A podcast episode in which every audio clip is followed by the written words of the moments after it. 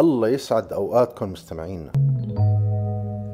من تم الإنسان ممكن يطلع كل أنواع الكلام لكن أحلى الناس هن اللي بيطلع من تمهم أحلى الكلام. كلام ممتع كلام مفيد كلام بيسعى كل اللي بيسمعه.